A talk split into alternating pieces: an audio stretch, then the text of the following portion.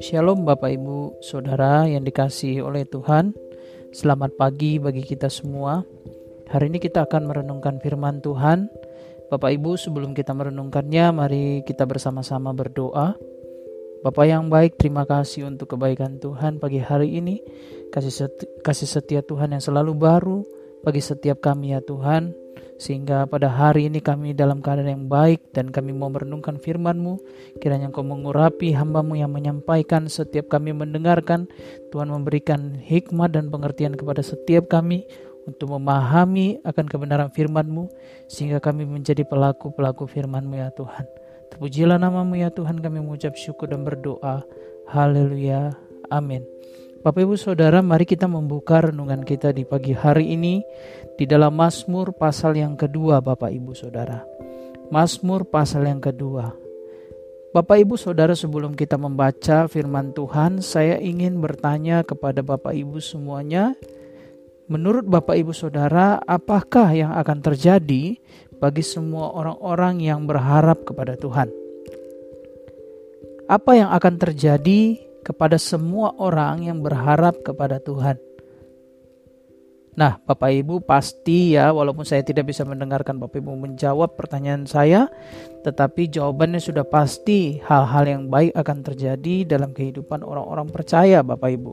Orang-orang yang berharap kepada Tuhan tidak akan pernah mengalami hari-hari yang menyesakkan, tidak akan pernah mengalami panas terik, Bahkan orang-orang yang berharap kepada Tuhan akan selalu melihat pertolongan Tuhan demi pertolongan Tuhan itu datang dalam kehidupannya. Dalam kehidupan ini kita tidak akan luput dari persoalan. Kita tidak akan luput dari orang-orang yang tidak menyukai keberadaan kita oleh karena iman kita. Orang-orang yang mungkin tidak suka dengan keberadaan kita oleh karena iman kita kepada Tuhan. Banyak orang-orang di tengah-tengah kita atau sekitar kita mungkin yang tidak suka. Oleh karena kita adalah orang yang taat beribadah oleh karena kita adalah orang yang tidak tidak mengabaikan kebenaran yang selalu melakukan kebenaran sekalipun mungkin di tengah-tengah mereka yang mungkin tidak melakukan kebenaran. Tahukah Bapak Ibu Saudara ada banyak orang-orang Kristen di dunia ini mengalami penganiayaan-penganiayaan mengalami penolakan-penolakan mereka mengalami datangnya hari-hari yang buruk bagi mereka oleh karena iman mereka kepada Tuhan. Iman kita kepada Tuhan bisa membawa kita kepada situasi yang seperti itu, Bapak Ibu Saudara. Terkadang kita menjadi pribadi atau menjadi orang yang dinomor dua kan oleh karena kita orang Kristen, oleh karena kita berharap percaya kepada Tuhan. Tapi Bapak Ibu Saudara, mari kita akan melihat bersama-sama kebenaran ya melalui Mazmur pasal yang kedua mengenai apa yang akan Tuhan lakukan waktu kita menghadapi hal-hal tersebut, waktu kita menghadapi persoalan-persoalan tersebut Bapak Ibu Saudara. Kita akan membaca dari ayat yang pertama sampai dengan ayat yang ketiga saja dulu Bapak Ibu Saudara. Begini firman Tuhan, mengapa rusuh bangsa-bangsa? Mengapa suku-suku bangsa mereka-reka perkara yang sia-sia? Raja-raja dunia bersiap-siap dan para pembesar bermufakat bersama-sama melawan Tuhan dan yang diurapinya. Marilah kita memutuskan belenggu-belenggu mereka dan membuang tali-tali mereka daripada kita. Bapak Ibu Saudara tampaknya di dalam Mazmur pasal yang kedua ini pemazmur mengalami hal yang sama. Kita tidak tahu apakah ini yang menuliskan adalah Raja Daud ataukah yang menuliskan adalah orang lain yang pasti si pemazmur ingin menyeberangkan, memberitahukan melalui puisi ini atau melalui syair ini keadaan yang terjadi pada masa itu di mana bangsa-bangsa, suku-suku bangsa mereka mereka-reka perkara untuk melawan raja atau melawan orang yang diurapi. Nah, Mazmur pasal yang kedua ini sebenarnya juga ditujukan secara khusus kepada Daud, Bapak Ibu Saudara, tetapi juga ini juga merupakan Mazmur nubuatan di mana akan digenapi melalui Tuhan Yesus yaitu Sang Mesias yang akan datang di dalam perjanjian baru itu Bapak Ibu Saudara. Tetapi kita akan melihat terlebih dahulu apa yang menjadi konteks daripada Mazmur pasal yang kedua.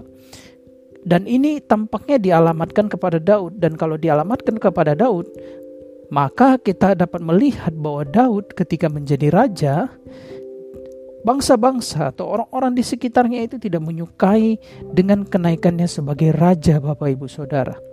Dia dia mendapatkan perlawanan-perlawanan dari mereka. Lalu apakah dengan keadaan yang seperti itu Tuhan yang mengurapi dia itu berdiam diri? Tentu tidak Bapak Ibu Saudara. Di dalam ayat yang keempat dikatakan, dia yang bersemayam di surga tertawa. Tuhan mengolok-ngolok mereka. Lalu ayat yang kelima dikatakan maka berkatalah ia kepada mereka dalam murkanya dan mengejutkan mereka dalam kehangatan amarahnya. Akulah yang telah melantik rajaku di gunungku yang kudus. Aku mau menceritakan tentang ketetapan Tuhan. Ia berkata kepadaku, Anakku engkau, engkau telah kuperanakan pada hari ini. Mintalah kepadaku maka bangsa-bangsa akan kuberikan kepadamu menjadi milik pusakamu dan ujung bumi menjadi kepunyaanmu. Nah ayat ini, ayat yang ke-7 itu juga muncul di dalam uh, Wahyu, kitab Wahyu Bapak Ibu Saudara. Bahwa barang siapa yang menang akan di, Tuhan akan menganugerahkan kemenangan kepadanya dan bangsa-bangsa akan ditaklukkan. Bangsa-bangsa akan ditaklukkan melalui Kristus Yesus Tuhan Bapak Ibu Saudara. Orang-orang yang bermufakat melawan sang raja, ya dalam hal ini mungkin saja ini adalah Daud, itu mendapatkan olok-olok dari Tuhan, bukan olok-olok dalam tanda kutip mengejek mereka, tetapi ini merupakan pernyataan yang mengatakan menegaskan bahwa Allah itu bertindak dengan apa yang terjadi kepada orang yang diurapinya, kepada orang yang dia angkat sebagai anak, kepada orang yang berada di dalam lingkup kasih karunia-Nya, kepada orang yang dia pilih Bapak Ibu Saudara. Dari sini kita akan bisa belajar dan merenungkan bagian ini bahwa Daud atau raja ini sang sang penyair ini mem, memberitahukan kepada kepada kita bahwa raja ini dilindungi oleh Tuhan Bapak Ibu Saudara. Bahkan di dalam ayat yang kelima dikatakan bahwa Tuhan akan ber, berkata-kata dengan mereka. Tuhan akan berbicara kepada mereka. Tetapi di dalam ayat yang kelima ini tidak dikatakan Tuhan berbicara melalui perkataannya, tetapi Tuhan berbicara melalui tindakannya yaitu adalah murka dan juga kehangatan amarahnya. Setiap orang yang merancangkan hal-hal yang buruk bagi orang yang diurapi Tuhan, bagi orang yang diangkat sebagai anak oleh Tuhan, akan mendapatkan murka dan amarah Tuhan. Artinya Tuhan yang akan maju melawan dia. Kalau ada orang-orang yang tidak menyukai anak-anak Tuhan, orang-orang yang mencoba untuk menjatuhkan orang-orang yang melakukan kebenaran, kebenaran Tuhan, maka lawannya bukanlah orang itu, tapi lawannya adalah Tuhan secara langsung Bapak Ibu Saudara. Kata anak yang dipakai di dalam Mazmur pasal yang kedua ini dapat juga diartikan bahwa ini sama dengan kehidupan kita. Walaupun Mazmur pasal yang kedua ini juga merupakan Mazmur nubuatan, yaitu di mana digenapi dalam kehidupan Yesus tetapi juga merupakan mazmur yang juga berbicara dalam kehidupan kita yaitu bahwa kita yang percaya kepada Yesus adalah anak-anak Allah. Di dalam Injil Yohanes dikatakan kita menerima kuasa menjadi anak-anak Allah. Artinya kita diangkat menjadi anak-anak Allah ketika kita percaya kepada Yesus. Yesus menjadi Tuhan dalam hidup kita, maka kita menjadi anak-anaknya. Dan kata di, diurapi di dalam Mazmur pasal yang kedua kalau kita menarik itu dalam kehidupan kita, ini juga berbicara tentang kekus, kekhususan.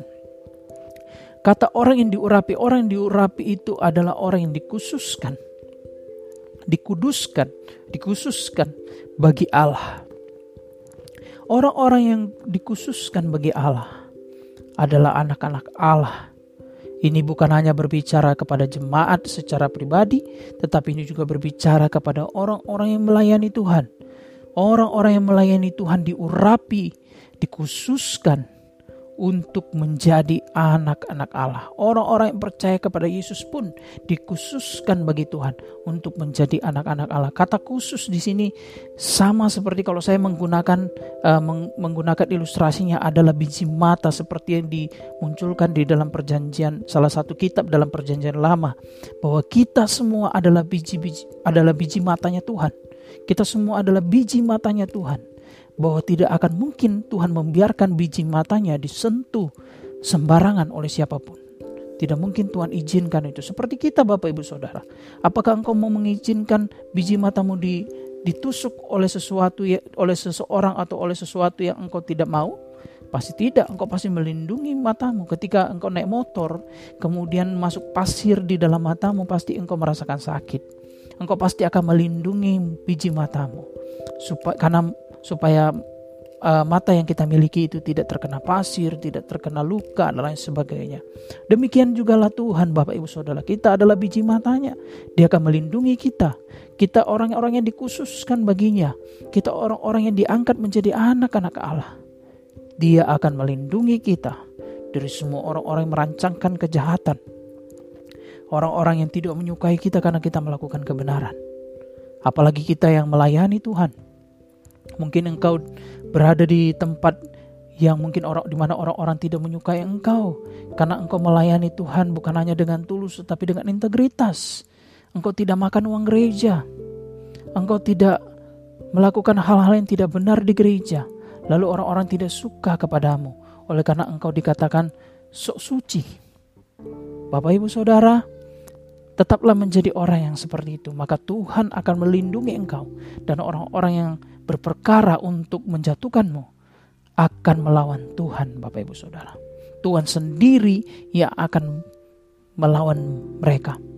Dan engkau sebagai anak-anak Allah, sebagai orang-orang percaya kepada Tuhan, Di mana pun engkau berada, apa pun yang kau kerjakan, pekerjaan-pekerjaanmu, Bapak Ibu Saudara, kalau engkau mengerjakan dengan penuh integritas, sekalipun mungkin ada orang-orang yang tidak menyukai keberadaanmu, karena engkau dinilai sebagai orang yang terlalu jujur, sesuci, munafik, dan lain sebagainya, karena engkau mempertahankan imanmu, engkau tidak mau menyelewengkan uang perusahaan, dan lain sebagainya, maka Tuhan akan membela engkau, Tuhan akan mengangkat engkau, dan orang-orang yang merancangkan kejahatan, dan orang-orang yang tidak menyukai engkau itu akan melawan Tuhan. Tuhan sendiri yang akan melawan dia. Oleh sebab itu Bapak Ibu kita juga perlu berhati-hati karena ada orang-orang tertentu yang menganggap bahwa penderitaannya itu disebabkan oleh karena karena ketekunannya kepada Tuhan padahal itu karena dosanya. Ada juga orang-orang Kristen yang hidupnya tidak benar di hadapan Tuhan. Tapi ketika menghadapi persoalan-persoalan dia menganggap bahwa pencobaan-pencobaan yang dialami itu oleh disebabkan oleh karena ketaatannya kepada Tuhan. Engkau juga harus hati-hati. Kalau engkau mengalami hal-hal yang buruk oleh karena dosamu, maka Bapak Ibu engkau perlu bertobat. Tapi kalau engkau mengalami hal-hal yang engkau tidak inginkan oleh karena engkau melakukan kebenaran, hidup sebagai anak-anak Allah, maka Tuhan akan membela. Amin Bapak Ibu Saudara, demikianlah renungan kita pagi hari ini bahwa Tuhan akan membela anak-anaknya dan Tuhan akan membela orang-orang yang dikhususkan baginya. Mari kita berdoa sebelum kita mengakhiri renungan kita ini. Mari kita berdoa. Kami mengucap syukur kepadamu untuk kebenaran firman-Mu yang kami renungkan di pagi hari ini. Kami belajar bahwa Engkau Allah tidak akan pernah tinggal diam. Engkau Allah yang melindungi anak-anakmu. Engkau Allah yang melindungi orang-orang yang kau urapi ya Tuhan, yang kau angkat menjadi anak-anakmu, yang kau khususkan bagimu ya Tuhan. Maka kami yang melakukan kebenaran firman-Mu, kami yang melakukan hidup dalam kebenaran, hidup dalam integritas, kami percaya Tuhan mungkin kami orang-orang tidak menyukai keberadaan kami, tetapi kami percaya Tuhan akan membela kami, Tuhan akan mengangkat kami, Tuhan akan menolong kami. Dan kiranya setiap anak-anakmu Tuhan yang mendengarkan renungan ini siapa pun mereka. Mereka yang melayani Tuhan mereka yang mungkin bekerja dan sebagai jemaat biasa kiranya Tuhan mereka yang hidup dalam integritas. Tuhan menyatakan kuasanya kuasamu kepada mereka pertolonganmu kepada mereka ya Tuhan. Kalau mereka mungkin mengalami tantangan-tantangan yang demikian. Terima kasih ya Tuhan. Kami mengucap syukur untuk kebenaran firman-Mu. Dalam nama Tuhan Yesus haleluya